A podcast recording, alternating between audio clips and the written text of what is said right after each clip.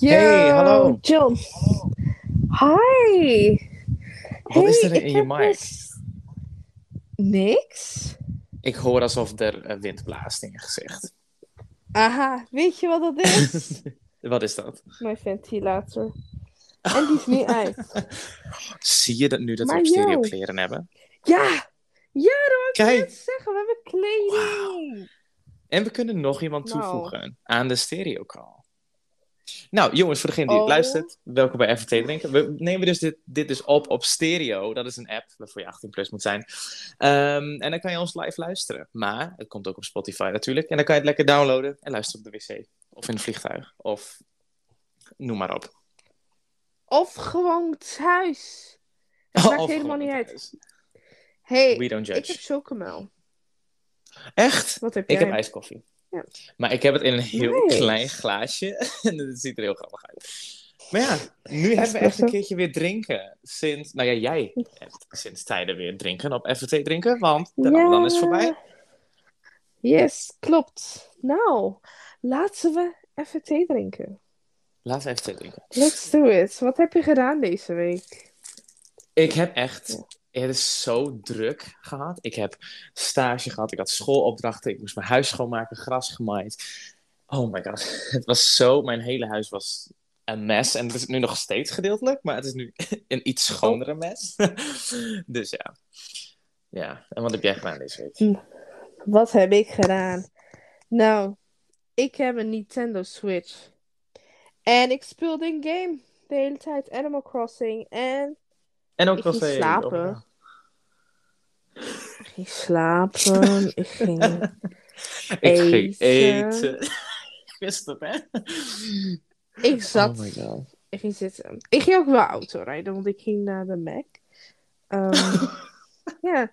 ja, maar nee, ik heb ook hekken geplaatst, eh, meubels geverfd, eh, bomen geplant. Oké, dat klinkt dan toch In een best wel weer... spel?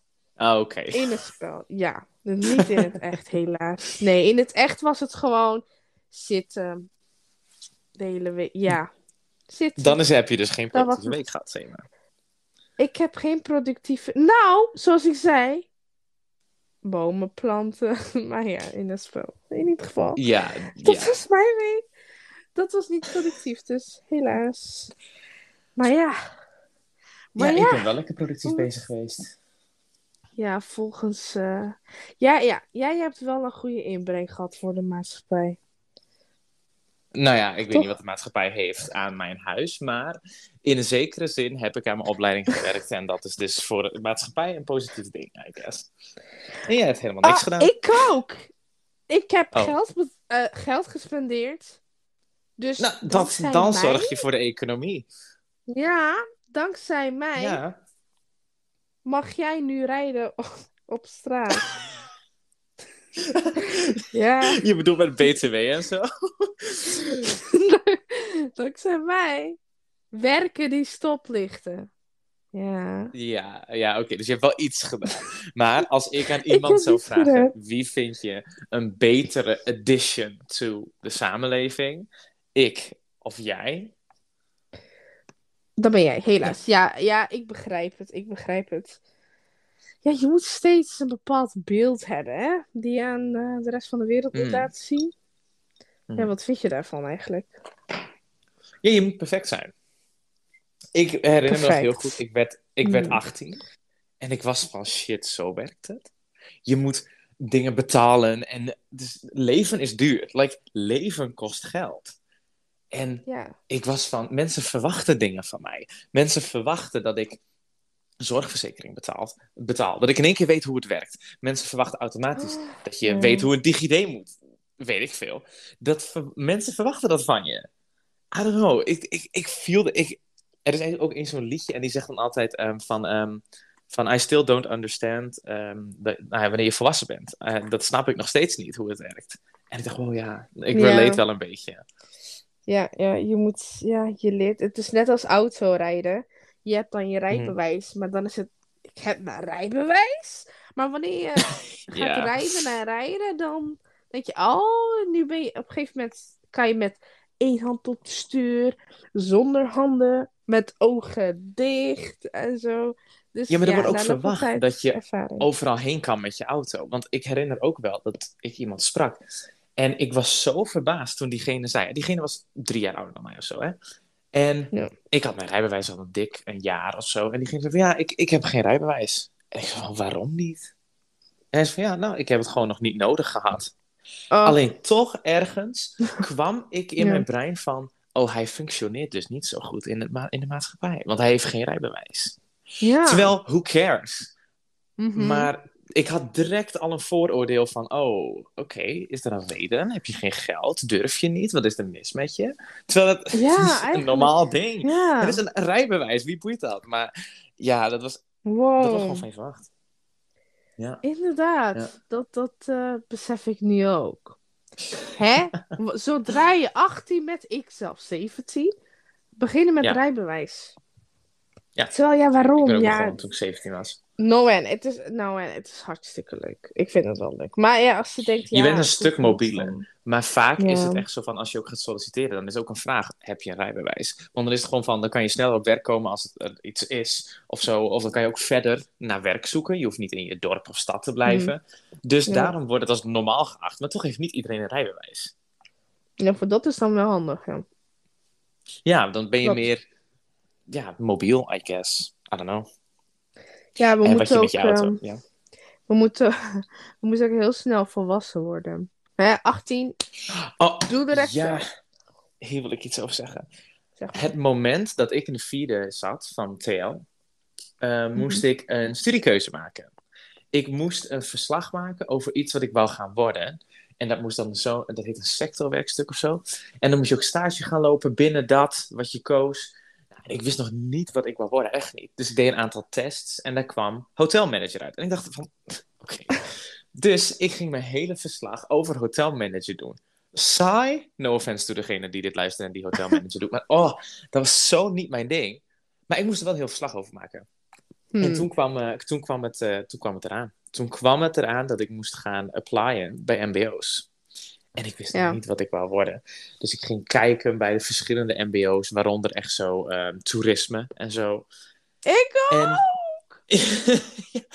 dat is echt een beetje go-to, maar het, is wel, het was wel leuk, alleen niet mijn ding. Toen deed ik weer een test en toen zei die test, weet je, onderwijsassistent. En ik dacht, ik heb geen tijd meer, ik moet me inschrijven voor iets. Dus ik heb me gauw ingeschreven voor onderwijsassistent. En ik doe nu de PABO. Maar wil ik dat per se gaan doen? I don't know. Mhm. Want ik ben, ik ben nu op die track van onderwijs. Ik heb eerst MBO onderwijsassistent gedaan. Toen heb ik mijn Ja. PABO-toetsen niet één, één keer gehad, had ik een tussenjaar. By the way, in een tussenjaar, als je dan werkt, oh, rijk. Rijk, maar daar gaat het ik- Miljonair. Nee, maar nu studeer ik weer en nu ben ik echt zo van, oh, ik mis dat echt. Maar ik studeer door, ik studeer door. Maar in ieder geval. En ik, toen dacht ik van, nou, dan ga ik gewoon volgend jaar weer proberen. En ik zit nu al in het tweede jaar van de PABO. Dat betekent technisch gezien dat over twee jaar, dan zit ik nu al in de eindfase van mijn opleiding. Wil ik een basisschooldocent worden? I don't know. Geen idee. Want dat weet ik nu nog steeds. niet. Ik ben 22 jaar, ik weet Ja. nog steeds niet wat ik wil worden. En je moet het eigenlijk in onze samenleving, in onze maatschappij, moet je het al weten als je 16 bent, wat je de rest van je leven wil doen, al eerder zelfs. Ik was 15 toen ik op onderwijsassistent begon. Ik Dat ben moet je- 23 en ik weet het nog steeds niet. Inderdaad, en het is van, dat wordt van ons verwacht dat wij direct al de keuzes weten. Dat we al een heel, hele levensplan hebben uitgedacht. Waar staat, zo laat, zo, zo oud ben ik als ik ga trouwen. Zo oud ben ik als ik kinderen ga krijgen. Zo oud ben ik als ik aan die opleiding begin. En dan zus en zo en alles. En ik denk, chill. Als ik afstudeer, wil ik ook echt niet vijf dagen in de week werken. Terwijl het wel van mij verwacht wordt. Mijn vader is dan, ik weet zeker als hij dit luistert of als ik dit aan hem vertel, dat hij dan is van, waarom wil je niet vijf dagen in de week werken? Wat is er mis met je? Een normaal persoon Ja. werkt vijf dagen in de week, als het niet zes is.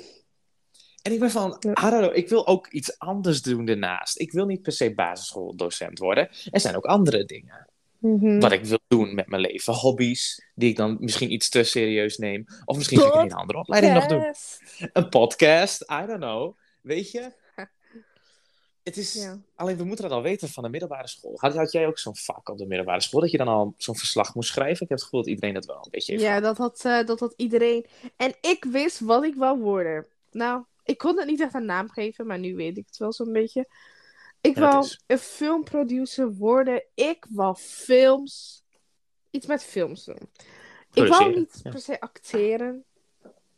Maar schoonmaakster zijn op een filmset, zelfs dat leek mij zo leuk. Dan zit jij dus achter de camera in plaats van voor de Ik wil camera. gewoon, ik wil gewoon iets met veel. echt geweldig. En daar ging Ja. een sectorwerkstuk over. En ik weet nog dat mijn mentor zei van... Oh, er is geen MBO... Want helaas moest ik VMBO doen. Dat is, daar is niks mis mee. Maar ik, Ik wou net zeggen.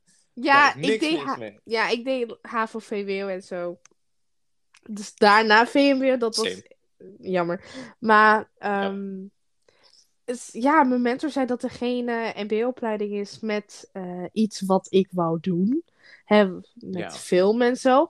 Blijkbaar wel, maar hij zei tegen mij dat dat niet er was. Misschien bestond Dus- het toen nog niet, want er zijn heel veel up-and-coming. MBO's, hè, hoor. Jawel. Want Er onderwijsassistent begon, toen wij eraan begonnen, vijf jaar daarvoor zo, was er geen onderwijsassistentopleiding. Dat was het niet. ja, maar er was wel iets met media. Oh, Maar dan was het media, Ja, media, was- vormgeving, iets. Ja, maar dat Mhm. is ook prima. Maar dat wist ik niet. Dus ik, ja, ik dacht, oké, ja, weet ik veel, toerisme of zo. Dus ik ging, Heel leuk om beide naar toerisme gingen. ja, en Ja. onderwijsassistent. Ik ging naar onderwijsassistent intakegesprek. En ja, ik, werd ik werd bovenaan de lijst gezet, want ik had HAVO gedaan. Dus dat was nice. Echt? Diegene ook, wou mij ik niet. graag. Diegene wou mij heel graag. En toen ging ik naar toerisme. Ja, maar ik ben echt... Ik schaam me. Ik ben echt niet oké geweest. Vroeger was ik echt niet oké. Want ik ging naar, bedoel toer- nou, ik ging naar toerisme intakegesprek. Ik heb mijn Mhm. idee niet. Kopie van idee. Oh no. Waarom? Dat zijn van je- Zo dom. Cijferlijst. Ja, had je, ik niet. Je... Oh my god. Ja, dat, dat heb je ik allemaal nodig. Dat heb je allemaal nodig. Ja, dus ik ging erheen en toen was het zo van... Oké, waar is je cijferlijst? Ik zeg, oh, dat zit in mijn dip- diploma. En dan waar is je diploma? Ja, die is, die is digitaal. Die heb ik nog Ja. niet of zo. Toen was het van, Ja, oké, ga ook. maar naar je middelbare school. je- om... Want ik ging, ik ging nergens inschrijven. Ik deed pas, zeg maar, in augustus. Na de... Ja, ja, klopt. Dat herinner ik me ook nog. Want jij had die intake voor onderwijsassistent. Had jij na de zomervakantie? Of in? Mhm. Ja. en toen begonnen ja. wij al met les. En toen moest jij nog geen intake doen. Ja, en, en ik ging erheen en toen zei de mevrouw van toerisme van... Nou, ga maar naar je middelbare school en vraag om je diploma. En kom in een half uur terug. Ik dacht, ik moet 20 minuten erheen fietsen. En 20 minuten terug. En ik moet dat regelen nog. Nou ja, en toen zei ze dat ik dat moest doen. En toen zei ze, geef alvast mij je kopie van je idee. Ik dacht, ehm, Heb ik niet? ja, die heb ik niet. Dus Oh uiteindelijk, ehm, ik zei oké, ik kom straks en ik kwam nooit terug. Dus ja. Same. Ja, ik dacht laat maar. Oh my god. Ja, Ja, maar ik dacht Dat wist ik niet. maar. Want, nee, ik weet hoe zij handelde was ook niet echt verantwoord. ik weet waarom ik het diploma ding niet had. Ik had Nou. onderwijsassistent intake daarvoor en die had ik aan hun gegeven en ze zouden het laatste nog teruggeven. Daarom. Oh, zo. Ja, En ja. die ging zo goed, dus ik dacht, laat maar, ik ga echt niet terug naar toerisme. Dus ik deed toen onderwijsassistent en ja, dat is zo'n beetje... We hebben zoveel gepraat over school. Ja, maar dat wordt van ons verwacht. Bijvoorbeeld mijn broertje, die... Ik, bij mij ging het best wel smooth. Like, best wel een smooth ride. Ik ging vanuit de middelbare school, ging naar mbo. Tussen mbo en hbo Mhm. heb ik wel een tussenjaar gehad, maar het ging best wel Ja. smooth. You know? Ook in dat Ja. tussenjaar heb ik nog wel gestudeerd. Aan een, een, een, eh, een andere opleiding, wat deeltijd was. Eh, Mhm. maar dat vond ik niet leuk. Maar dat maakt niet uit. Ik heb, ben wel eigenlijk altijd naar school blijven gaan. Mijn broertje nu, die is 19. Toen ik Ja. zijn leeftijd had, was bedoel ik, had ik bijna of had ik al mijn onderwijsassistenten diploma. Was ik al afgestudeerd Ja. als onderwijsassistent. En hij begint volgend jaar in het eerste jaar van MBO. En hij is 19. En dat, no judgment, you know. Alleen er wordt wel verwacht dat je vanuit de middelbare school direct doorgaat met leren. Want dat doet iedereen. Maar hij heeft een aantal keer gehad, dan vond hij de opleiding toch niet zo leuk, bla bla. Mijn vader is ook nooit verder gegaan dan middelbare school. Hoe zit het met jouw ouders eigenlijk? Mijn moeder heeft nog wel kappen gestudeerd. eh, voor kapster gestudeerd. En ze Ik was ook een kapster. Ehm, maar mijn vader heeft nooit doorgeleerd, bijvoorbeeld. Mijn ouders zijn van Turkije, dus daar is het heel anders. Oh ja. Niveau, weet ik veel. Maar ze hebben beide middelbare school gedaan, sowieso. Ik weet niet wat Hmm. mijn vader heeft gedaan. Geen idee, maar... wat heeft hij gedaan? maar- Geen idee. Maar mijn moeder ehm, heeft wel... Heeft, ja, ze ging naar middelbare school, maar ze heeft wel een soort van een opleiding gehad. Dus ik denk dat het in de... Ja. Toen was het wel een soort van MBO, Ja, toen denk was- ik. Maar Ja, ik heb toen geen was het ook anders. Ja, Want mijn oma naaien. bijvoorbeeld. Ja, precies. Maar mijn oma die zei dus van ja, in mijn tijd was het logisch dat vrouwen ehm, na de middelbare school gingen ze naar de huishoudschool. En daar leren ze koken, naaien, strijken en alles. En dat was het. Dat was je opleiding. Dan stop je daarmee. That's it. En nu wordt er zo erg verwacht dat jij met een diploma aankomt. Probeer jij maar ergens te werken zonder een diploma. Ja, oké, Jumbo, Albert Heijn, dat lukt wel zonder diploma. Maar voor de rest, jij kan niet bijvoorbeeld een basisschool lesgeven zonder een diploma. Al heb je. 20 jaar ervaring, maar je hebt geen diploma, kom je er nog steeds niet in. Want samen, onze samenleving vindt nu dat diploma's moet je hebben. En zelfs voor simpele dingen, hè?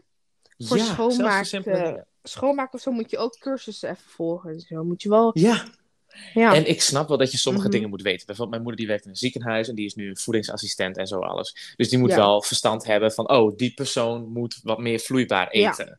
Of dat, dat, dat drinken moet juist ingedikt worden, want die mag juist geen liquid.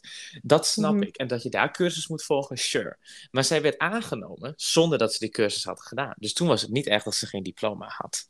You know? Maar ik las ergens, dat was vorig, nee, twee, drie jaar terug.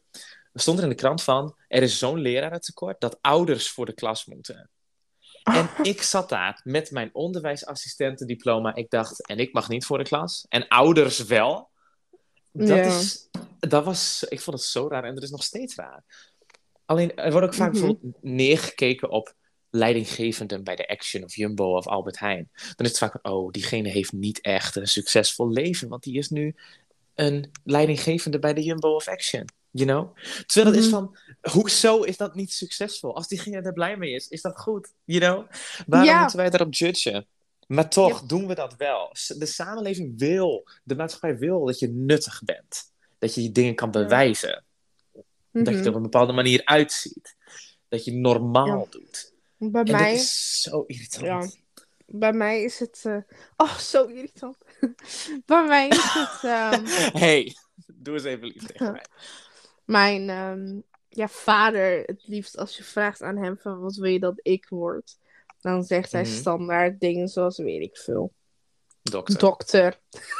ja. mijn vader ook. Ja, waarom? Ja, dat verdient goed. Eigenlijk is dat het, hè?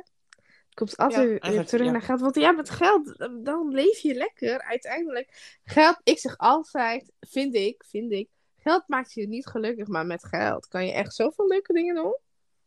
Ja, Nogmaals, ik heb het volgens mij ook al een keer eerder gezet op deze podcast. Maar geld maakt je niet gelukkig boven de 75.000 euro. Onder de 75.000 euro kan het daadwerkelijk happiness kopen. Dat is, dat is een onderzoek zo. geweest. Ja, Maar daar, ga, dat, dat, geloof, daar ben ik best wel eigenlijk van mening dat dat klopt. Als jij geen financiële schulden en zo hebt, dan oké. Maar ik snap ook wel dat boven de 75.000, dan is zo'n eurotje niks meer voor jou waard. Dus dan word je er ook niet meer gelukkig van. Dus ik, vind, ik ben het eens met dat onderzoek. Maar mijn vader was Ja. ook bijvoorbeeld... Dat is gewoon uit de maatschappij, uit hoe hij is opgevoed. Hij snapte niet dat je mentaal moe kan zijn. Dat je mentaal ergens klaar mee kan zijn. En ik was echt zo van, oh, ik ben zo moe, ik heb de hele dag school gedaan. En mijn vader was zo van, hoezo ben je daar moe van? Je hebt niet niks gedaan met je lichaam. Ik zo, ja, maar ik heb wel de hele tijd dingen gedaan. Maar dat is Ja, ook zo. In de maatschappij ja. wordt niet echt veel aandacht besteed aan het, het mentaal moe zijn. Ja. Alleen aan het fysiek moe zijn. Ja, ja, Ja. Dat zie ik hier thuis ook terug. Ik hoor altijd. ehm, Ja. ja, gewoon van. ehm, als ik zeg ik ben moe, wat heb je gedaan? Je zus heeft gewerkt. Ja, ja same. en ik- Dat is bij mij thuis Nou. hetzelfde. Maar Bij mij is het echt hetzelfde. Terwijl dat, dat is gewoon een beeld van de maatschappij. En who cares? Maar toch, mensen caren wel. En dan bedoel ik niet Karen als in K-A-R-E-N. Maar je snapt wat ik bedoel. Ja. Eh, maar het wordt ook... Ja. Er wordt ook verwacht dat je gezond eet. Dat je naar de sportschool gaat. Letterlijk. Dat je... Ik eet Skittles. Ga verder. Ja, dat hoor ik. Ik wil er niks over zeggen. Maar... Echt? ik die zo gezichten. dat geeft niks, kan je niks aan doen. Maar daarover gesproken, ik wilde dus bijvoorbeeld afvallen. You know? Dus ik ging naar de sportschool. Ik was de enige in de sportschool die er niet uitzag als een spierhoop. ik weet niet hoe ik het anders moet zeggen. maar, en ik had zo het gevoel dat ik gejudged werd. Iedere keer als ik die deur binnenloop. Want het is, mensen kijken dan toch van, oh, kijk dat, die dikketje dap die op de, in de sportschool komt lopen. Dat is weer zo'n beeld wat mensen dan niet normaal vinden. Terwijl dat normaal moet zijn. Als je, Of- you know, je mag naar de sportschool gaan at any weight. En hoe je wil. Of dat is je brein. Ja, ja, in combinatie met hoe je bent opgevoed. En ja, Ja. wat Ja, normaal mensen- is, tussen haakjes. Mensen hebben echt commentaar, maar ook van... Oh, hè, als je een meisje bent, dat je dan er, ehm, er ja, wat heel erg vrouwelijke uit moet zien. Met rokjes en zo moet dragen. Mijn, Ja. Wij hebben... Ik heb jurken, dat ja... Maar ik, ja, ik vind het ook leuk om te dragen. Maar ik vind... Ja, broek vind ik fijner of zo. Nee, niet fijner jurken. is het fijnste ooit in de hele wereld. Laat maar. Maar ik heb geen leuke jurken. Dat is het voornamelijk. Maar mijn Hmm. moeder zegt van... Oh, draag een keer wat jurken en rokjes. En oh, doe je haar vast en sieraadjes. En ik denk, nee, dat is- waarom? Ik ga toch niet naar een bruiloft? Zegt ze, dat is niet alleen voor een bruiloft. Maar het is gewoon, dat is niet mijn stijl. Dat is puur stijl. En Maar ja. ik, ik heb het ook bijvoorbeeld, ik wil het dan ook hebben over je moet presenteerbaar je huis uit. Je kan niet naar de Albert Heijn als je er niet uitziet tussen haakjes, want dan gaan mensen naar je kijken. Snap je wat ik bedoel? Ja. Dat was, dit is echt zo van, doe een normale broek aan, zorg dat je haar een beetje oké zit. En ik denk, waarom? Het is een supermarkt. Wat maakt het Ja. uit? Ik ga daarheen om, we- weet ik veel, eten te kopen. Dan hoef ik het toch niet uit te zien alsof ik naar de Rode Loper ga. Ja, of sollicitatiegesprek. Of een sollicitatiegesprek, inderdaad. Ik ga ook niet in volledig pak naar de supermarkt. En het is nu pas dat ik realiseer van... Wie maakt het uit dat ik met mijn joggingsbroek naar de winkel ga? Dus nu Ja. doe ik dat wel. Ik maar dat deed ik, ook. nooit. Ja, Nooit. ik, ik snap het heel erg. Je moet Ja. presenteerbaar je huis uit. Wiens regel is dat? Wie heeft dat gezegd dat dat moet? Inderdaad, niemand. Maar toch doen we er onbewust allemaal wel iets aan. En dat is zo raar.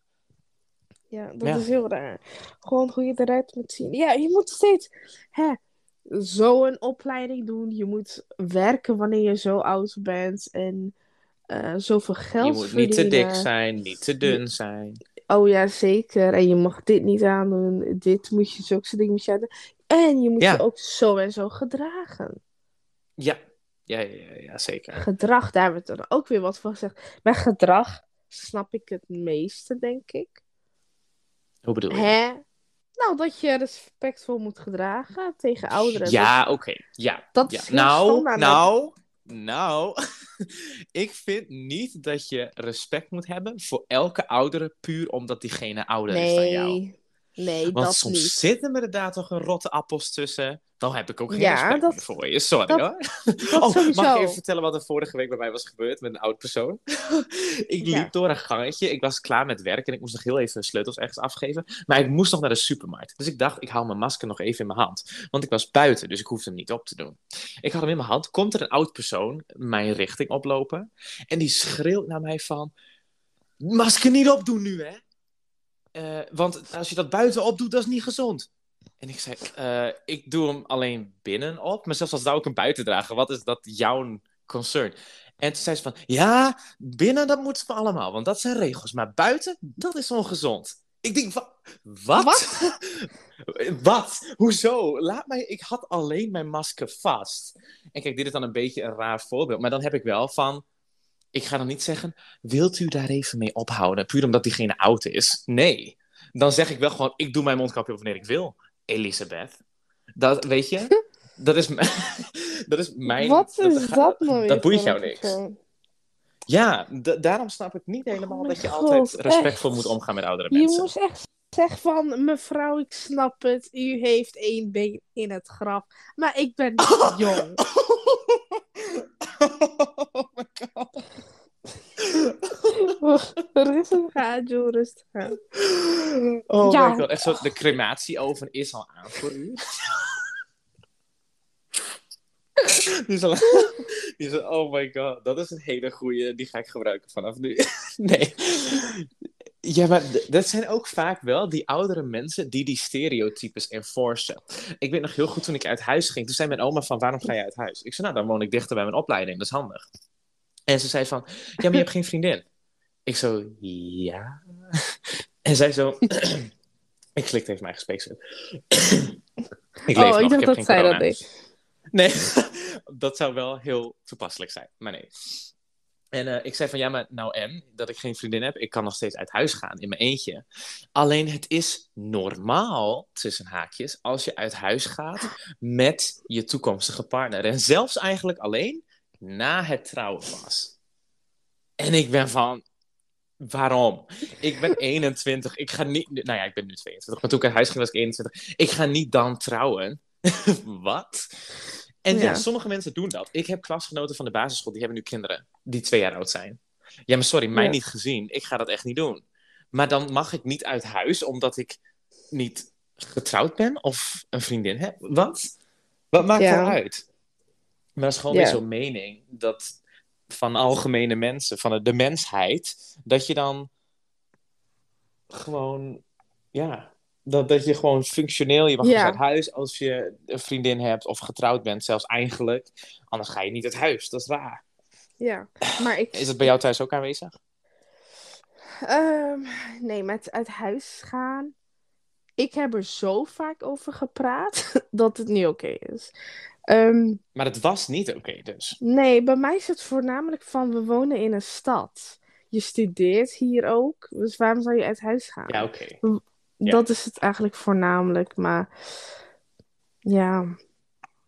Dat, ja, voor mij was het wel puur omdat de opleiding hier was. Maar het is ook gewoon fijn om op jezelf te wonen. Want dat zei ik ook Ja, tegen zeker. mijn oma en toen tegen mijn vader. Zo van, je leert zoveel verantwoordelijkheden als je alleen uit huis gaat. Als je samen uit huis gaat, kan ook. No judgment. Maar dan heb je nooit op jezelf, voor jezelf moeten zorgen.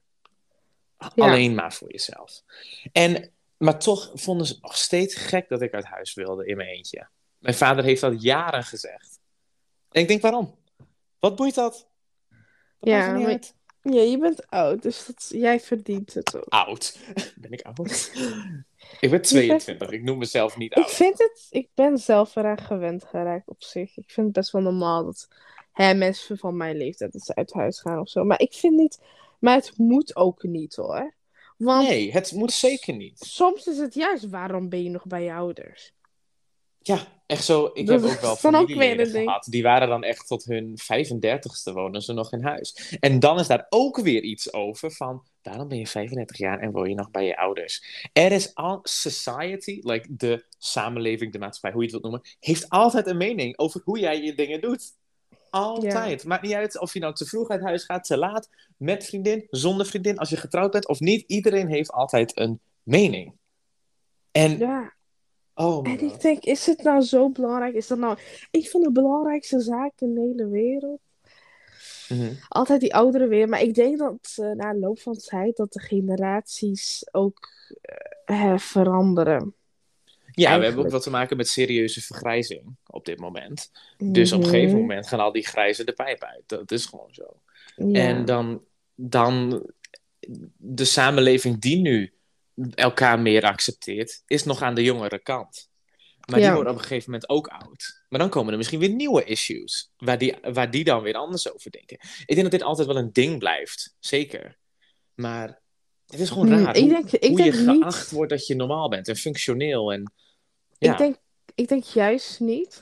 Want vroeger was het hartstikke normaal. Op zich nu ook wel hoor. Maar vroeger gebeurde het vaak dat je getrouwd was of een kind had wanneer je 20 was, 21 oh, of zo. verschrikkelijk. Maar dat kan. Dat, is ook niet, dat is ook niet gek of zo op zich.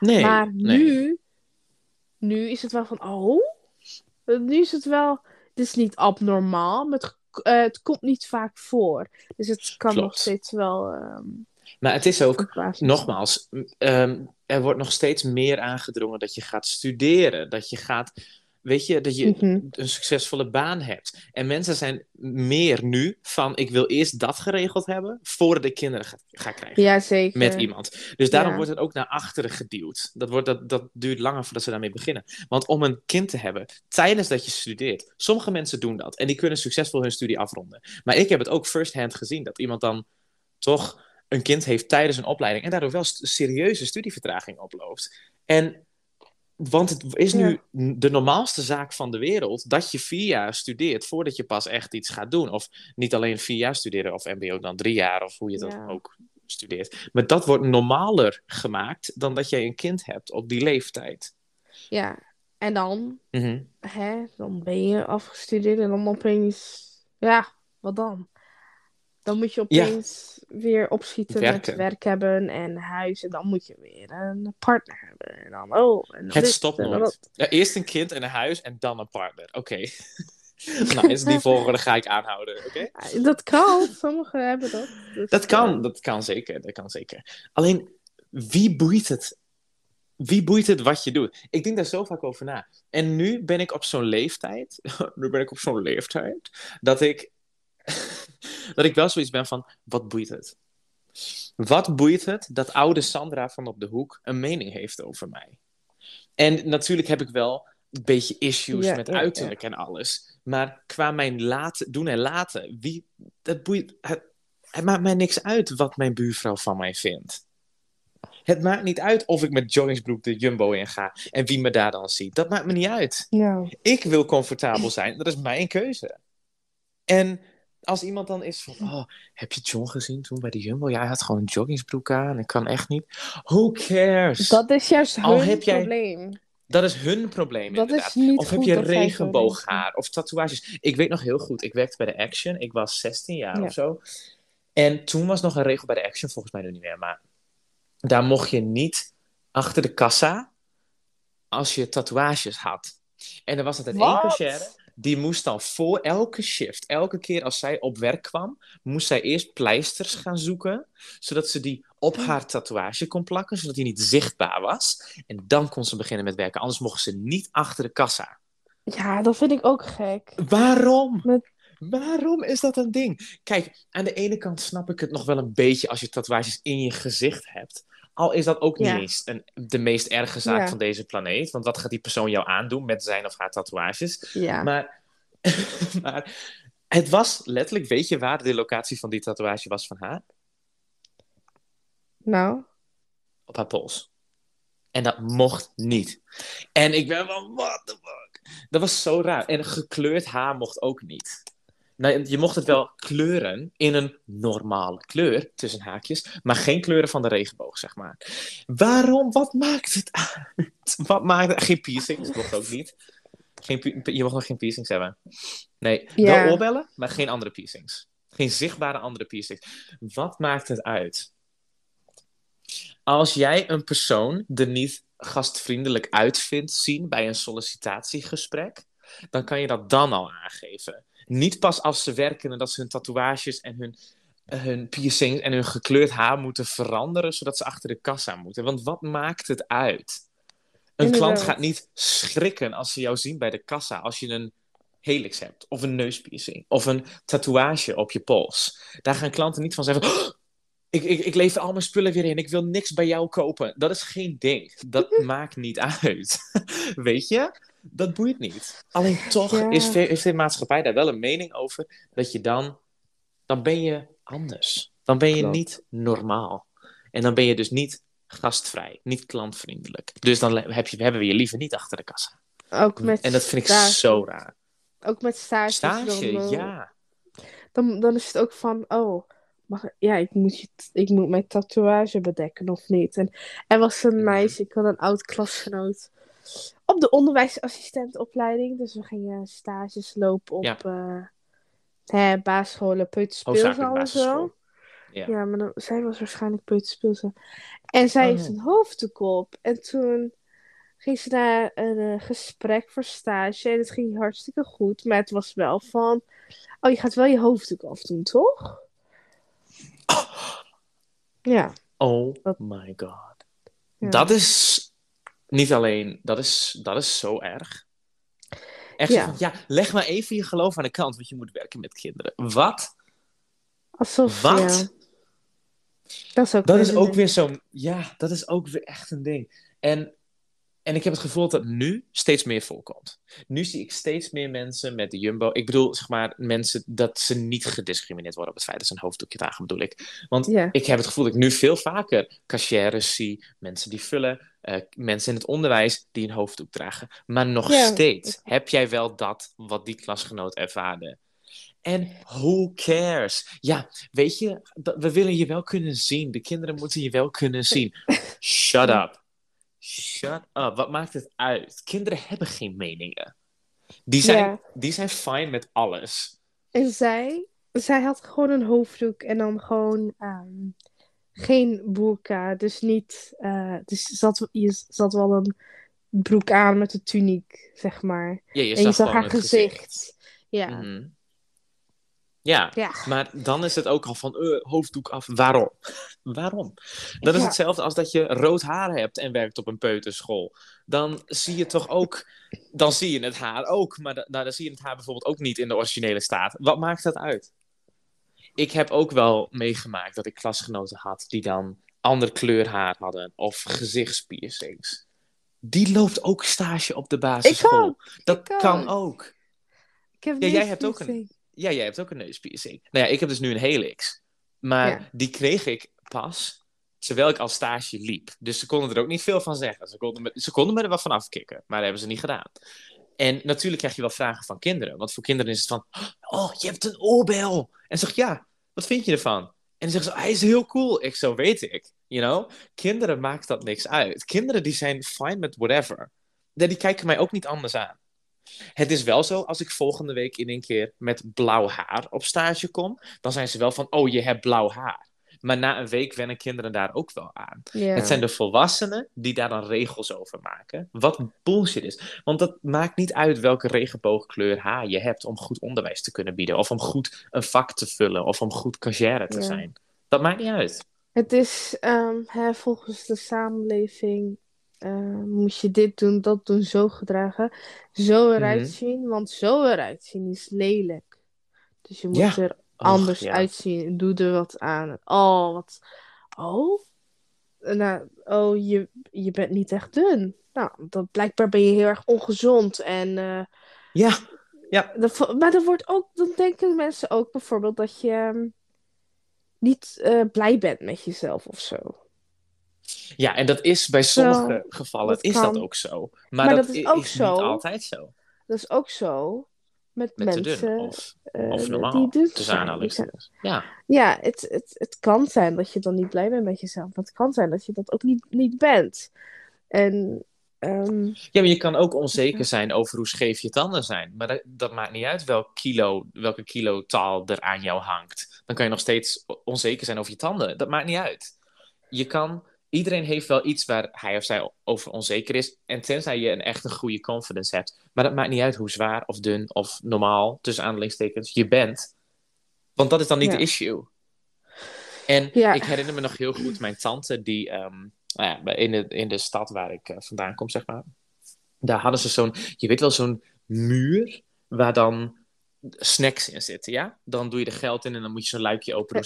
Zo'n etensmuur. Hoe noem je dat ook alweer? Weet ik niet, maar het is wel Febo. Was een naam voor. Febo-muur. Ja, zoiets, ja.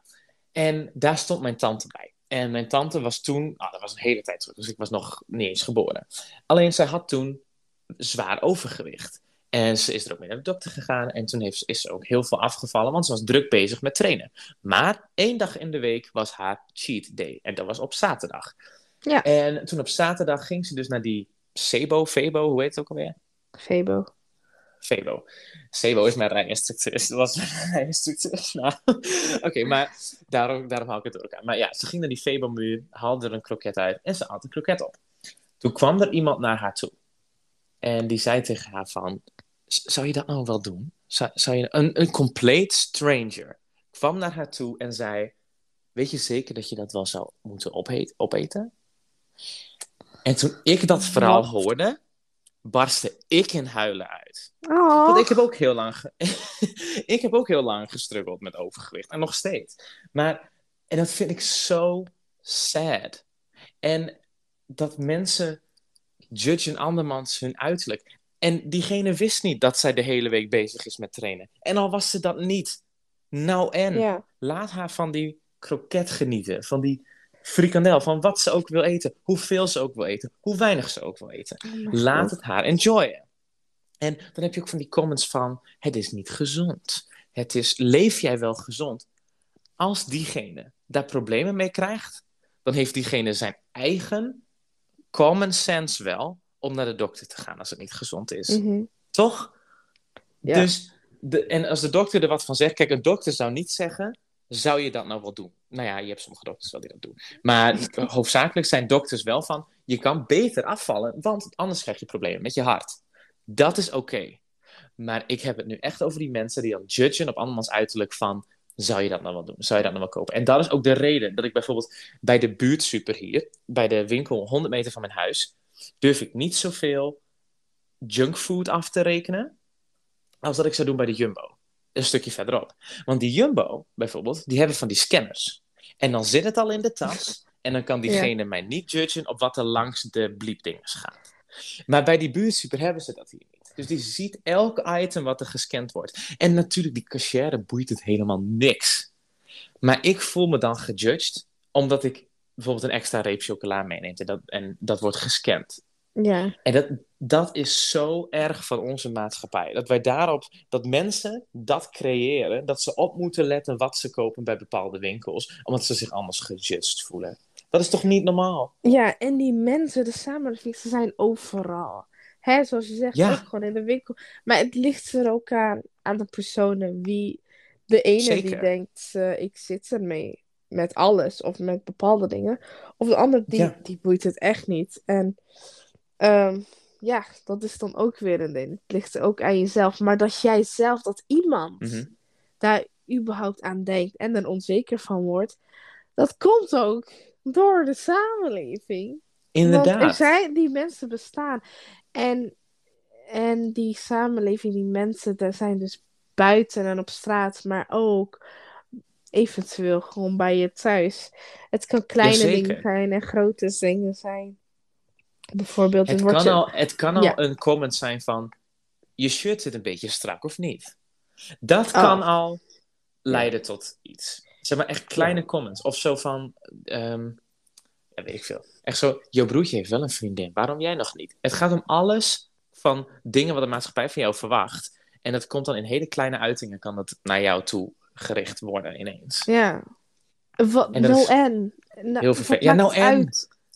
Ik Alsof leef het mijn het einde van de leven. wereld is. Je hebt een dak boven je hoofd. Je hebt eten. Je Ja. bent gezond. Prima. Genoeg. Ja, echt hè? Who cares? En steeds meer begin ik geen fuck te geven, zeg maar. Om wat mensen, wat society, wat de maatschappij belangrijk vindt. Ja. Ik doe wat ik doe. En ik studeer nu ook, ik, ik, zit, ik studeer de Pabo en dat, het wordt heel lastig nu. Het is, zijn heel veel opdrachten en corona helpt niet mee, maar ik wil niet alles op corona afschuiven. Het is ook gewoon veel. En Ja.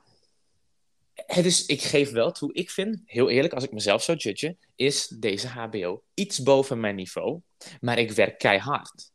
Dus ik kom er wel. Maar dan wordt het toch gejudged als ik dan zeg, bijvoorbeeld van, zal ik even een tussenjaar nemen? Of een sprintsemester, dat ik even dingen kan inhalen. Dat is van, oh, je hebt een sprintsemester nodig om, de PABO te kunnen halen?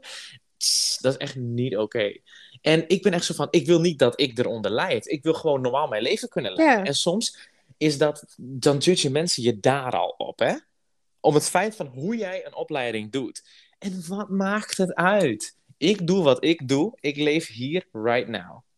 Klopt. En Dus, eh, Niemand wat- kan hier een mening over. Iedereen kan er een Ja. mening over geven, maar ik luister daar niet naar. Dat maakt me niet uit.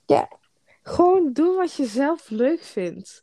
Hè, als je Inderdaad. schilderen gaat schilderen, je kan ook, het is handig als je een werk hebt waar je wat mee verdient. Maar het hoeft niet gelijk een chirurg te zijn. Hè? Maar je kan altijd wat ernaast doen. En bijvoorbeeld Mhm. een boek schrijven. Check die segway. Bijvoorbeeld John. John hier heeft met drie andere prachtige medestudenten een boek geschreven. Helemaal zelf. En een van hen heeft het geïllustreerd. En ze hebben gewoon een boek uitgebracht. Die is Jazeker. verkopen. Genaamd Bobby the Beagle is alleen thuis. Bobby the Beagle, zoek op Google of op boekscout.nl. John heeft het gewoon geschreven samen met Marije, Rick en Geanne. Helemaal zelf Zeker. gedaan. Ze vonden ze leuk. Het is wel een print. Ja. Maar als Ja, je dat is het printenboek zeker. houdt, hey. En anders als je cadeau nodig hebt, omdat je mensen kent die in verwachting zijn. Of hè, je kent kinderen. Ik heb twee nichtjes, dus ik heb één gehad. Nou, cadeautip. Bobby the Beagle. Even een boekje lezen. Ja, het begon gewoon als een opdracht van vorig jaar. Van schrijf een prentenboek met een aantal medestudenten. En toen dacht ik, waarom laat ik het niet uitgeven? En dat is allemaal los rondom van mijn school. Dat is iets waar ik voor kies om te doen. En ik dacht, waarom niet? En toen van de zes uitgeverijen... Uitgeverijen? Ja, volgens mij is dat meer Ja. fout van even uitgeverij. Hij heeft er één gereageerd. En dat is zo cool. Ik ben nu een schrijver. En... Maar Ja, al was ik geen schrijver, dan had Oh. jij mij niet anders gezien. klopt. Maar echt cool Snap je? hoor. Het is wel echt cool. Het is wel echt leuk. Een boek waar mijn naam op staat. Waar ik op sta trouwens. Want er staat zelfs een foto van mij op. Op de achterkant. Dus Als dat is jullie leuk. benieuwd zijn hoe John eruit ziet, hey, jullie kunnen dan gewoon eh, het aanschaffen. Maar ik hey, haat die foto die erop staat, maar maakt niet uit. de mensen uit Amerika die naar ons luisteren, hey Ohio, I see you, Texas. Wat nog meer? Weet ik niet eens meer. Heel- nee, levert ja, maar- ook naar Amerika, toch? Denk ik. Nee, Vast wel. dat, nee, nope. Oh, nope. helaas, helaas. Maar als Ze leveren alleen in Nederland en België. hey people, uh, people from uh, Ohio en Texas. Send, send me een e-mail and I will send one uh, to you. Ja, e-mail. Even at. Dat is geen bestaand BE. e-mailadres. Stuur daar geen mailtjes naartoe. Disclaimer. Disclaimer. Ja, maar dat is echt vet. En dat is ook echt heel cool. Maar dan pas hebben, heeft bijvoorbeeld mijn vaders familie door hoeveel werk ik ergens in steek. Pas echt als ze resultaat zien, zijn ze van, oh, daar ben je mee bezig. Terwijl weken daarvoor zijn ze dan van, ook. Ja, podcast ook. Dan is het in één keer van, ze zijn op Spotify. Oké, dan doet hij wat goed. Dan doet hij eindelijk wat serieus. Maar daarvoor was het van, John, waarom ben je moe? Je bent alleen maar bezig met school. Terwijl ik dan ook een uitgeverij aan het benaderen was. Ik was uit aan het zoeken hoe je een podcast op Spotify krijgt. Alleen dat zien diegenen dan niet. En dan vormen ze het oordeel van, John doet niks. Of. Sema doet niks. Terwijl je wel zeker bezig bent met dingen. Gewoon daarom, doen wat je Wie leuk vindt. geeft er iets op? Doe wat je leuk vindt, inderdaad. En weet je wat ik leuk vind aan jou? Wij vinden dezelfde Oh. dingen leuk. Eén. Nou, mm, True. dat weet ik niet zo. Je hebt een prentenboek. Ik Ja. ben altijd een soort van wel... Ik ben geïnteresseerd in film. En Mhm. helaas, helaas... Helaas heb ik mijn dromen weggegooid. Helaas, ik zit er soms mee. Maar het is prima. Ja, snap ik wel. Maar ergens diep in mijn hart koppel ik dat aan boeken schrijven. En ik haat boeken, Ja. sorry. Sorry. Dus ik dacht, Same. ik ga... Ik wil later gewoon ooit printenboeken maken, schrijven, uitbrengen. En jij hebt dat ook gedaan, dus dat vind ik geinig. En ik ben best Het is niet zo moeilijk als dat je denkt, hoor. dat, dat- door jou weet ik dat ook. En ik ben best wel geïnteresseerd om. eh, ik, niet dat ik dat eh, goed kan of zo, maar eh, stemactrice te worden. Ja, en jij, stemacteur, ja. en jij heel wil graag, stemacteur heel worden. graag. Dus dat is Heel zo graag. leuk dat we dat gemeen hebben. En jij wou een podcast. Ik wou een podcast. Dat, is- dat is zo leuk dat ik dat samen En hier zijn we. ga doen. We doen beide dingen. Verdienen we hier wat mee? zeggen we niet. Misschien zijn we miljonair. maar we doen niet. Spannend. Maar we verdienen één ding. ja, maar dat, is het ook. Plezier. En jij Ja, die door dat heen praat. Want En luisteraars. en we hebben luisteraars uit Amerika. ja. Het is zo bizar. Oké. Het is wel echt heel cool. Ja, maar dat is ook zo met het schrijven van een boek. Iedereen is zo van, hoeveel verdien je per boek? Nou, ik ga dat nu vertellen. Jongens, ehm, een boek uitgeven... Niet een En heel... Niet een heel berekening. Ik ga, ik ga geen economie geven hier aan de mensen die dit luisteren. Maar het is gewoon, het boek kost 15,50. En daar krijgen de schrijvers 10% van. Dus het is dan 1,50 per, nee, ja, 1,55 per boek. Dat is super weinig. En wij delen het ook nog eens met z'n vieren, want we hebben vier schrijvers. Dus iedereen is dan van, waarom doe je het nog? Omdat het leuk is. Het is Omdat cool. Ik had mijn eigen boek in mijn hand. Ik weet echt zo die kleine dingen van een barcode op de achterkant. Daar word ik zo... Het is echt zo van, ik heb Ja. een barcode. Dat is... Daar doe ik het voor. Ik, Ik heb het ervoor dat barcode. ik op mijn CV... ja, als je die scant dan... eh, nee. Maar ik heb een boek in mijn boekenkast. Die heb ik gemaakt. Ik, als jij googelt op de titel van mijn boek, zie je mijn naam staan. Daar ben ik trots op. En ja, ik verdien maar een aantal cent per verkocht boek. Who cares? Met deze podcast worden wij miljonair. Ja, eigenlijk wel. Maar dat maakt niet uit. Wij doen het voor de lol. Het is voor de leuk. En laat je niet door andermans mening beïnvloeden. Als jij iets doet wat je leuk vindt, dan vind je het leuk. En dan enjoy je dat. En dan doe je dat. Toch? Ja. En zo is Gewoon het. En that's the tea. En. Ja. en weet je, wat boeit het als je dan met je pyjama naar de Albert Heijn gaat? Wat maakt het uit? Als jij dat Draag leuk wel. vindt. Draag wel je mondkapje en ja, Ja. ook over je neus.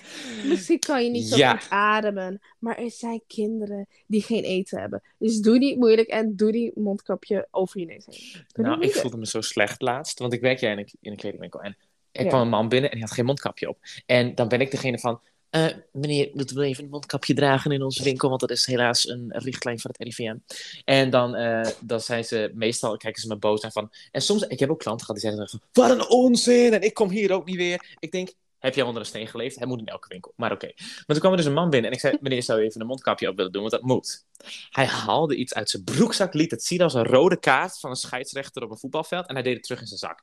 Ik weet tot op de dag van vandaag nog niet wat hij liet zien. maar waarschijnlijk was het echt zo'n pas van: ik heb deze en deze medical condition en daarom kan ik geen mondkapje dragen. Maar ik was van: oké, oké, sorry. ik, ik weet niet wat hij vasthoudt. maar los van dat, draag je mondkapje. Ook over je neus. De hoeveelheid mensen die dan zeggen van... Mag ik ook even mijn mondkapje afdoen? We zijn toch de enige twee in deze winkel. En ik zeg van, ja, maar als er een controleur komt, die bla bla. En, maar los van dat, het moet gewoon. Of dan zeggen ze van, Mhm. oh, ik kan geen ademhalen. Ik doe hem even af, hoor. En ik zeg van, nou, hij moet wel opblijven, hoor. Of alleen als er geen klanten zijn, dan doe ik hem af. Want er zijn er geen klanten in de winkel. Maar dan komt er een klant in de winkel en dan zeg ik, oh, ik doe mijn mondkapje gauw op, hoor. Ah, hoeft van mij niet, hoor, zeggen ze dan. En ik zeg van, ja, maar... Ik zei, ja, maar dat is een regel, hè? En ik snap niet waarom ik dat nog steeds moet mededelen. Want dat is best wel iets waar we al een tijdje mee zitten. Maar Ja. weet je, voor de rest Ja. moet je geen fuck geven wat Dus dat doet. is, weer, dat is weer gedrag. Doe gewoon normaal. Ja. Doe gewoon aardig tegen iedereen. Zoals we bij de vorige aflevering hebben gezegd. Wees aardig. Wees Behandel aardig elkaar. Als we Normaal. Allemaal aardig zijn tegen elkaar, dan komt het goed. En soms moet je dingen doen. Soms zijn er regels wat je niet leuk vindt. Maar helaas, je moet het doen. Standaardregels, dan Ja. moet nou eenmaal. Hè? Ja, ja sorry. Inderdaad. Je mag niet iemand overrijden. Helaas, anders moet je naar gevangenis. Maar Al vind je dat zo superleuk, dat mag je niet doen. ja, maar als hè, een of ander Jaapie of je tante of zo weer zegt van, ah, jij hebt niks bereikt, want jij bent geen chirurg. Kijk, zulke mensen gewoon even negeren. Daar kan je niks aan doen. Ik zelf heb heel vaak gehoord van mijn vader en iedereen eigenlijk, bij mijn vader, van, hé, ga je nog werken? Wanneer, want ik had heel lang niet, geen werk, geen bijbaan omdat ik letterlijk, zelfs door jou werd ik beoordeeld, meneer John. Maar Ja, ehm, dat ik werd ik. nergens aangenomen. Waarom geen idee? Het is niet, ik ging bij één plek solliciteren. Ik werd gewoon nergens aangenomen. Ehm, en ik ging jaren en jaren proberen. En het, het- mensen zagen het als, oh, ze doet geen moeite. En mijn vader zei altijd van, ga je nog werken? Weet je, dat hoort erbij. Ga nou werken. dan hè, zien doe ze nou geen- even wat. Ze zien er niks van. Dat, dat, maar je doet er Ja. wel wat aan. Ik, mijn zus ging nog stiekem, zonder aan mij te vertellen, mij solliciteren bij plekken. En ik werd niet eens gebeld. ik werd niet eens gebeld. Dus het was gewoon, ja, kijk, het werkt niet. Het zijn Maar- gewoon racisten. Nee. maar het is eh, uiteindelijk, ik denk ook van, eh, zij zijn er zelf aan gewend van, hé, hey, je moet werken. Maar daarnaast, het is moeilijk en dat begrijpen ze niet. Ook school. Maar bijvoorbeeld mijn Oh, ja. ouders, hun werk, hoe, nee, hun eh, zicht van studie, wat, hoe zeg je dat? Mhm. Ja, Wat hun zij visie denken- op studie. hun visie op studie en hun visie op ehm, solliciteren en aangenomen worden, is anders dan die van mij en die van mijn zus. Mijn zus zit er Mhm. tussenin, maar zelfs, ik weet zeker, wat zij op HBO, HBO heeft gedaan, is Hm. vast weer anders dan bij ons, want het wordt echt Zeker. steeds moeilijker met school, met Ja, dat werk die dus vinden. Met werk vinden, zowel als bijbaan als 16-jarige, maar ook als werk als 30-jarige of als 23-jarige. Maar ook rijbewijs of zo is ook hartstikke moeilijk. Ja, mag ik daar wat over zeggen? Want Vooruit. ik ging leren voor mijn theorie-examen voor mijn autorijbewijs. En toen was mijn moeder van, als ik dit nu moest doen, was, had ik gefaald. Vroeger was het niet zo moeilijk. En Mhm. vroeger was het ook, op je achttiende heb je stap 1, een goede betaalde baan. Stap 2, een vrouw. Stap 3, kinderen. Dat heb je gewoon op die leeftijd, want dat is normaal. En toen zei iemand van, wat wij nu hebben op diezelfde leeftijd is een mega studieschuld, een klein studentenkamertje en superveel stress. En toen ging iemand het ook vergelijken met de level van stress, hoe studenten nu zitten en hoe studenten vroeger zitten en zo. En toen zei iemand, het was een bewezen onderzoek, van de hoeveelheid stress die studenten nu ervaren, waren in 1970, was dat genoeg om je in een mentale hospital te stoppen, vanwege je hoeveelheid stresslevels. Terwijl dat nu normaal Oh. is. Wow. En dat, het leven verandert en dingen worden steeds moeilijker. En sommige mensen die begrijpen dat niet. Sommige oud, oude mensen, maar ook je ouders misschien. Die zijn niet, misschien niet eens super oud, maar die snappen dan soms niet dat het super lastig is nu. Want dan zeggen ze ook van, ik werkte al vanaf mijn achttiende, daar en daar en daar. Ik denk, probeer je daar nu nog maar eens een keer te solliciteren. Nu heb je hele andere criteria waaraan je moet voldoen. Hele andere diploma's Mhm. die je moet laten zien. Dingen wat je kan. En iemand zei ook van, het moment dat je afstudeert, zijn er al bedrijven die, je, die willen je bijvoorbeeld hebben als dat je 18 jaar oud bent, met 18 jaar ervaring. Zeg maar, dat kan niet. Maar dat, zo voelt het dan wel voor onze leeftijdscategorie. Van, je moet zoveel dingen al kunnen op zo'n jonge leeftijd. En dat snapt niemand. En dan hebben ze de oordeel over van, je doet niks. Ja, nee, je doet niks. Je werkt niet. Je hebt nog, geen, heel veel, je hebt nog niet heel veel inkomen. Je hebt studieschuld. Ja, Ja. wat ben je voor loser? Je hebt een studieschuld. Je woont in een schoenendoos. De, hoezo? Dat is, dat is, snap je? Hun definitie van normaal leven is anders, want zij zijn anders opgegroeid. Dus ja, Het is ook, Ja. eh, ik denk, eh, ik denk echt dat eh, mensen niet denken aan de generaties na hen, wat zij Mhm. meemaken, wat dan voor hun Mhm. normaal is. Hè, zoals ik zei met school en zo. Maar ook bijvoorbeeld, ehm, ja, nog eerder dan mijn ouders, hè, bijvoorbeeld. Toen kon je, toen droegen vrouwen geen broeken. nee, dat Broeken waren echt Ja. van mannen. Dat, Ja. dat, vroeger was het zo. Vrouwen droegen Mhm. altijd jurken. Maar dat is bijvoorbeeld Mhm. nu ook dan weer veranderd. Ehm, Jazeker. en, en ik weet zeker dat de mensen, de eh, ouderen die dat zagen wanneer broeken voor vrouwen een ding werd, dat zij dan ook dachten van, hoezo? Dat kan niet, jullie moeten jurken dragen. Maar dat is dan bijvoorbeeld hey, Ja. veranderd. Dus ik denk nu, nu dat wanneer mensen denken van, oh, oh hè, oh, je, je bent vol slank. Nou, doe eens even wat aan jezelf of zo. Mhm, mhm. Dat ze daar dan weer een mening over hebben. Ik denk eh, dat dat dan later eventueel hopelijk dan ook verandert. Zulke soort dingen. Ja, dat Ik zie nu wel, ik zie nu echt hoor, want ik, ik klaag soms over Gen Z, over de nieuwe generaties. Ehm, er zijn echt wel ne- nou, negatieve dingen, maar ook Of elke generatie dingen. negatieve dingen elke zeggen. Ja. generatie. Zal ik weer gelijk erachteraan zeggen. Maar een van de goede dingen vind ik wel ehm, dat de nie- nieuwe generaties wel ehm, meer eh, aandacht besteden aan dat iedereen even mooi is en zo. Ja, dat is waar. Dat is waar. Even succesvol en alles. En, ja, Ja, dat verandert Dus dat met de tijd mee. Mhm, Dat is zeker mooi. dat, Ja. Alleen het is gewoon de visie van die, van die generatie. Want nog iets over mijn vader, no shade naar mijn vader, maar die was ook zo van: je gaat een huis huren? Hoezo? Waarom koop je geen huis? Ik zo. Hallo? ik werkte toen nog echt zo bij de Jumbo. Hoe kan ik dan een huis kopen? En mijn vader zei van, ja, maar weet je, dan, regel, dan ga je toch eerst nog even werken totdat je genoeg geld hebt om een huis te kunnen kopen. En dan vraag je daar hypotheek voor aan en zo. Ik zei, pap, ik ben 21. Ik heb geen geld om een huis te kopen. En hij zei van, nou, toen ik 21 was, had ik al een huis. Ik zei, ja, oké, nou, weet je, ik niet, oké. En het is niet logisch dat je een huis koopt. Want de huizenmarkt bijvoorbeeld is nu super duur om een huis te kopen. Vroeger kon je een huis kopen voor een aantal koeien en een schaap en dan had je een huis. Dat is nu niet zo. Ja. Weet je? dan is het En- flink wat geld. het is flink wat geld. En, ik, en voor mij is dat logisch. Van je hebt veel geld nodig om een huis te kopen. Maar voor oudere mensen niet.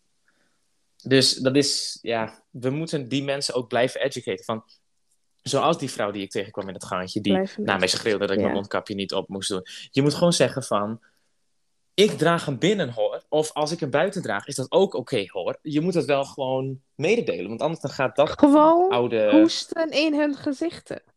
Ja, klaar. Ja, even een de... ge- nee, Kijk, klaar. nee, maar weet je, jij moet die mensen blijven educaten. Van, ik ga uit huis nu. En ja, zonder vriendin. En ja, zonder dat ik heb getrouwd. En ja, een huurwoning.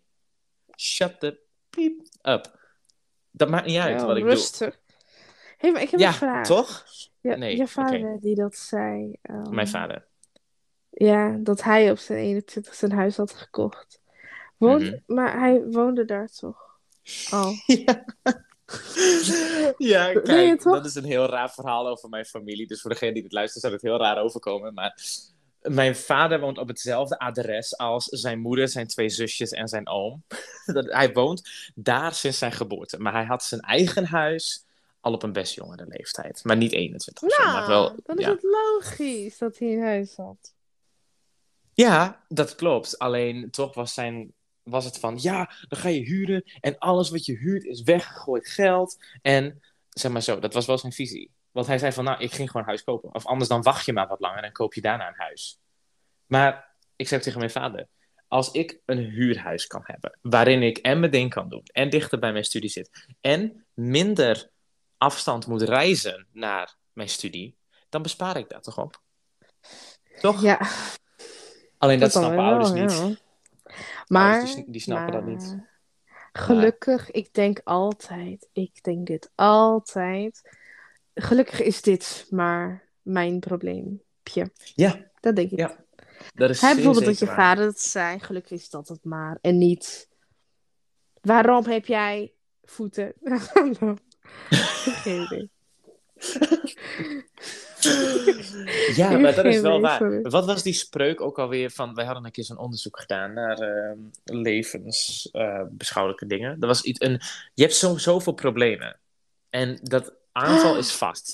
Hoeveel problemen waren dat 84. ook alweer? Ja, je hebt 84, 84. problemen. En stel je lost er één op, dan komt er weer één bij. Dus Je hebt altijd Dat maakt niet 24 uit. problemen. je hebt altijd 84 problemen. Dus Ja, dat is, maak dat je is niet zo druk. Ja, ja, ik zei Hindoe per ongeluk, maar dat is inderdaad... Ja, Dat, Ja, en dat is gewoon, dat is zo waar. Dus ja, je kan nu ergens onzeker over zijn. Maar dan sta je met andere punten, sta je weer goed in je leven. En mhm. en laat je niet beïnvloeden door andere mensen. Voor, door wat ze Ja. zeggen. Weet je? Ja. Maar. En, maar. Zeg, is jij? En daarna zeg ik het. Ja, nee, ik had niks te zeggen. Dus ja, dat, dat was, ik heb, ja. Ehm, ehm, ik denk ook van, sommige dingen zijn niet slecht. Sommige dingen dat gezegd worden, Hoe bedoel je? ehm, zijn niet per se slecht. Hè, you van-? Hè, kom op, ehm, ga bezig met school. Dat Ja, doe dat je is niet gelijk. Oh nee, oh nee, oh ik word onder druk gezet. Weet je, dat is ook. eh, Dat is waar. Ja, je kan kan- ook gewoon een comment geven. yes, dat is anders dan judges, zeg maar. Ja, Dat is het verschil in. ja zit Want verschil je in. kan... Ja. Nee, ik wil je minder onderbreken, want je zei het al eerder. Dus ik ga gewoon Oh, jou ik, laten ik, zeg, ik zeg gewoon ja, ja, ja, ja. Dat. Ja, want dan ga ik gewoon verder. Want er is een verschil met... ehm, ja, in het Engels heet dat met een fancy woord. Constructive criticism. Ik weet niet wat het... Constructieve... I don't know. Ik weet het niet in het Nederlands. Maar dan is het van... Krit- kritiek. Oh, misschien kan... Ja. Ja. Constructieve kritiek. Dat is het. Zeg dat maar vier keer snel. Eh, maar dat, dat mensen zijn van, oh, misschien kan je het zo doen. Of heb je hier wel op gelet? Dat is anders dan, jij doet dit fout. Jij moet veranderen. En mijn vader is ook altijd van, oké, als jij geen werk hebt, dat kan. Maar dan werk je bij mij. Weet je? Dus dat, Ja. dat was zijn manier van zeggen van, je zoekt gewoon zelf naar een baan. En daar bedoelt hij dan niet mee van, als jij niet zelf een baan kan zoeken, ben je een fucking loser. Oh, waar ik scheld heel veel trouwens. Dit moet wel weer op explicit komen staan, maar daar gaat het nu niet om. Maar- Maar, dan, daar bedoelt hij dan niet mee dat ik een loser ben die niks kan. Maar dan is het gewoon van, oké, jij kiest er dan voor om niet verder te solliciteren. Of het lukt je niet om verder te solliciteren. Oké, dan werk je bij mij. Of dan Ja. zegt mijn moeder van, oh, misschien kan je daar en daar solliciteren. Dat is dan niet van dat, dat je moeder je de grond in wil drukken. Maar dat is gewoon van, misschien kan je het daar proberen. Dus het is ook van wie het wegkomt. Is het van een compleet vreemde of iemand die je kent? En is het een gemeen iets of proberen ze je alleen maar te helpen? Daar moet je ook een onderscheid in maken. Ja, ja. Want over gewicht bijvoorbeeld, als mijn moeder zou zeggen van je bent zwaarder geworden. Kijk, hoe ik dat neem is, oh shit, ik ben dik. Maar stel ze zou zeggen van, weet je John, ehm, laten we gezellig gaan zwemmen. Weet ik veel. Daar bedoelt ze misschien hetzelfde mee. Maar dat brengt ze dan als, dan gaan we een activiteit doen. En dat, dan brengt ze dat niet hurtful over. Zoals Ja. van, je bent dik, je, moet, je bent moddervet. Kijk, dat zegt ze niet, hè? I don't know. Heb jij nog een voorbeeld van hoe je een vo- eh, eh, iets kan zeggen, lief, versus hoe je iets zegt, gemeen? Eh, nee, Maar Bijvoorbeeld, ik wil wel- ach, ja. ja, zeg maar. ik wil wel wat anders zeggen. Dat Ik mag. heb bijvoorbeeld eh, van.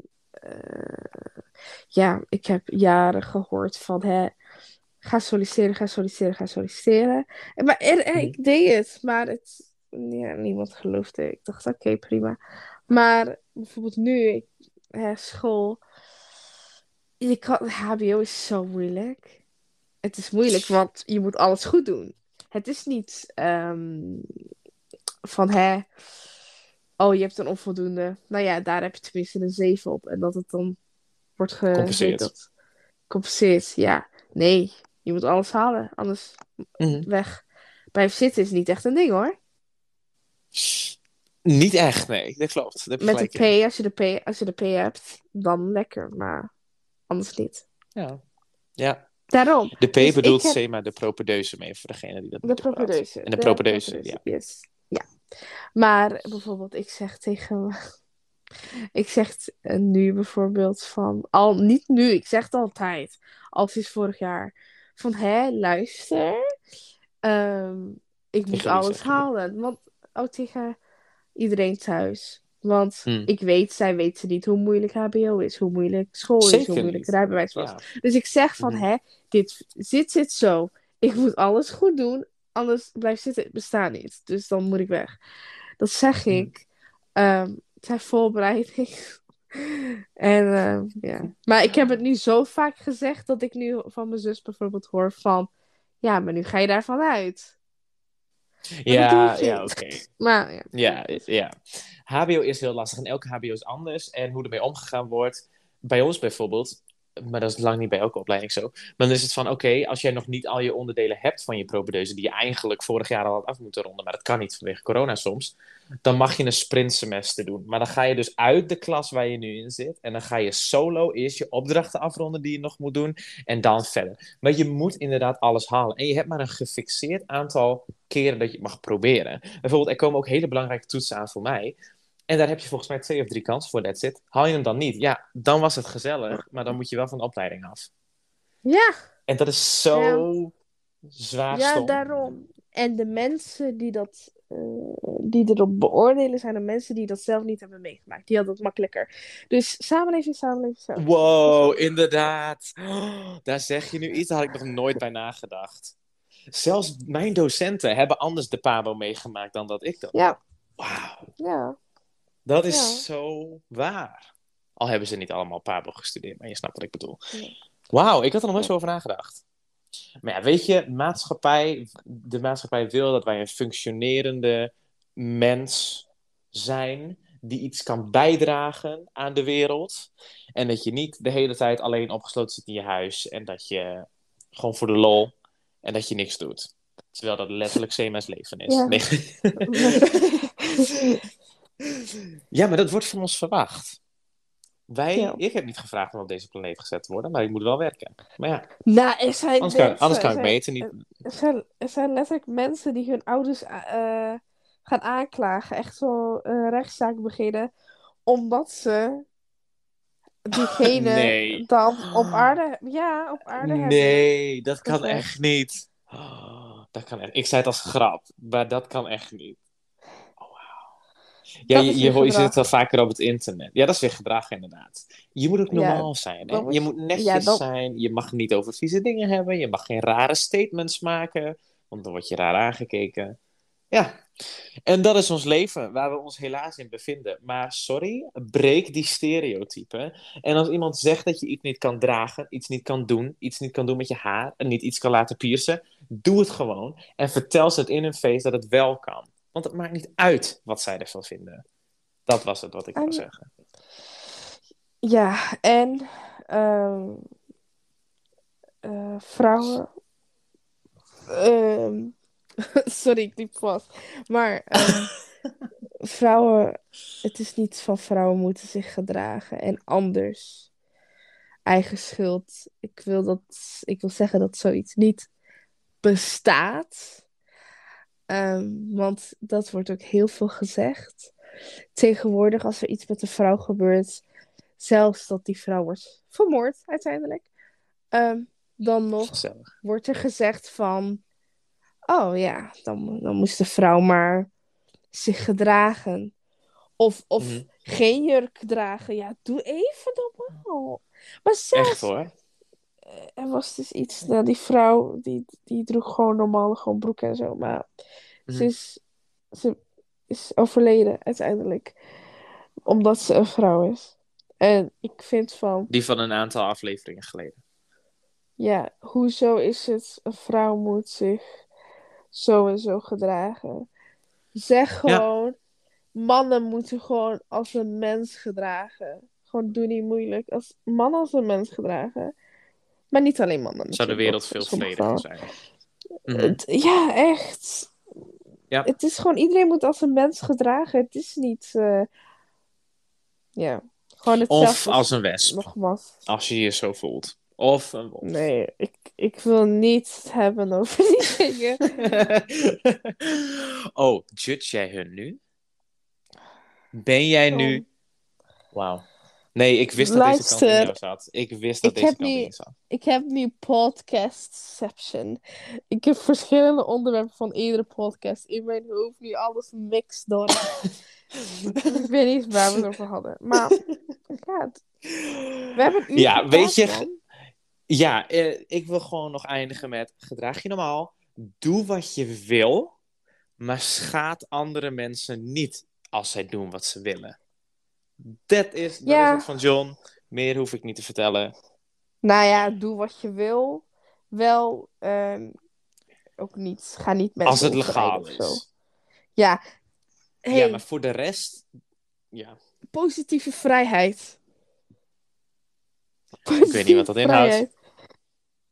Oh, ik wel. Heb ik vandaag geleerd. Maar oké. In ieder geval. Dat is een Ja. eerst. Ja, Dus, eh, dus. succes Wees een normaal dag, persoon. Ja, jij ook. Wees een normaal persoon. Sema. En ga mensen niet judgen zoals je altijd doet. Want jij bent heel judgmental. Voor degene die het luistert, Sema is een Ik- bitch. Voordat we, voordat we weggaan, ik wil één ding zeggen. Wees geen normaal persoon. Daar vergis je. Nee, er dat is geen saai. normaal. Ja, Er is geen... no- Jij zegt wees een normaal persoon. Er is geen normaal. Punt. Wat is normaal? Dat is er niet. Punt. ja inderdaad. wees wie je bent. Klaar. Doe niet moeilijk. Oké, klaar. Ja, en normaal is saai. Ja, Ik dus het is nu tijd om het af te sluiten. boos. Bedankt voor het luisteren. Voor degene die dit luistert. Wij gaan er vandoor voordat Sema ontploft, live. Ehm, en Sema, ik spreek jou later.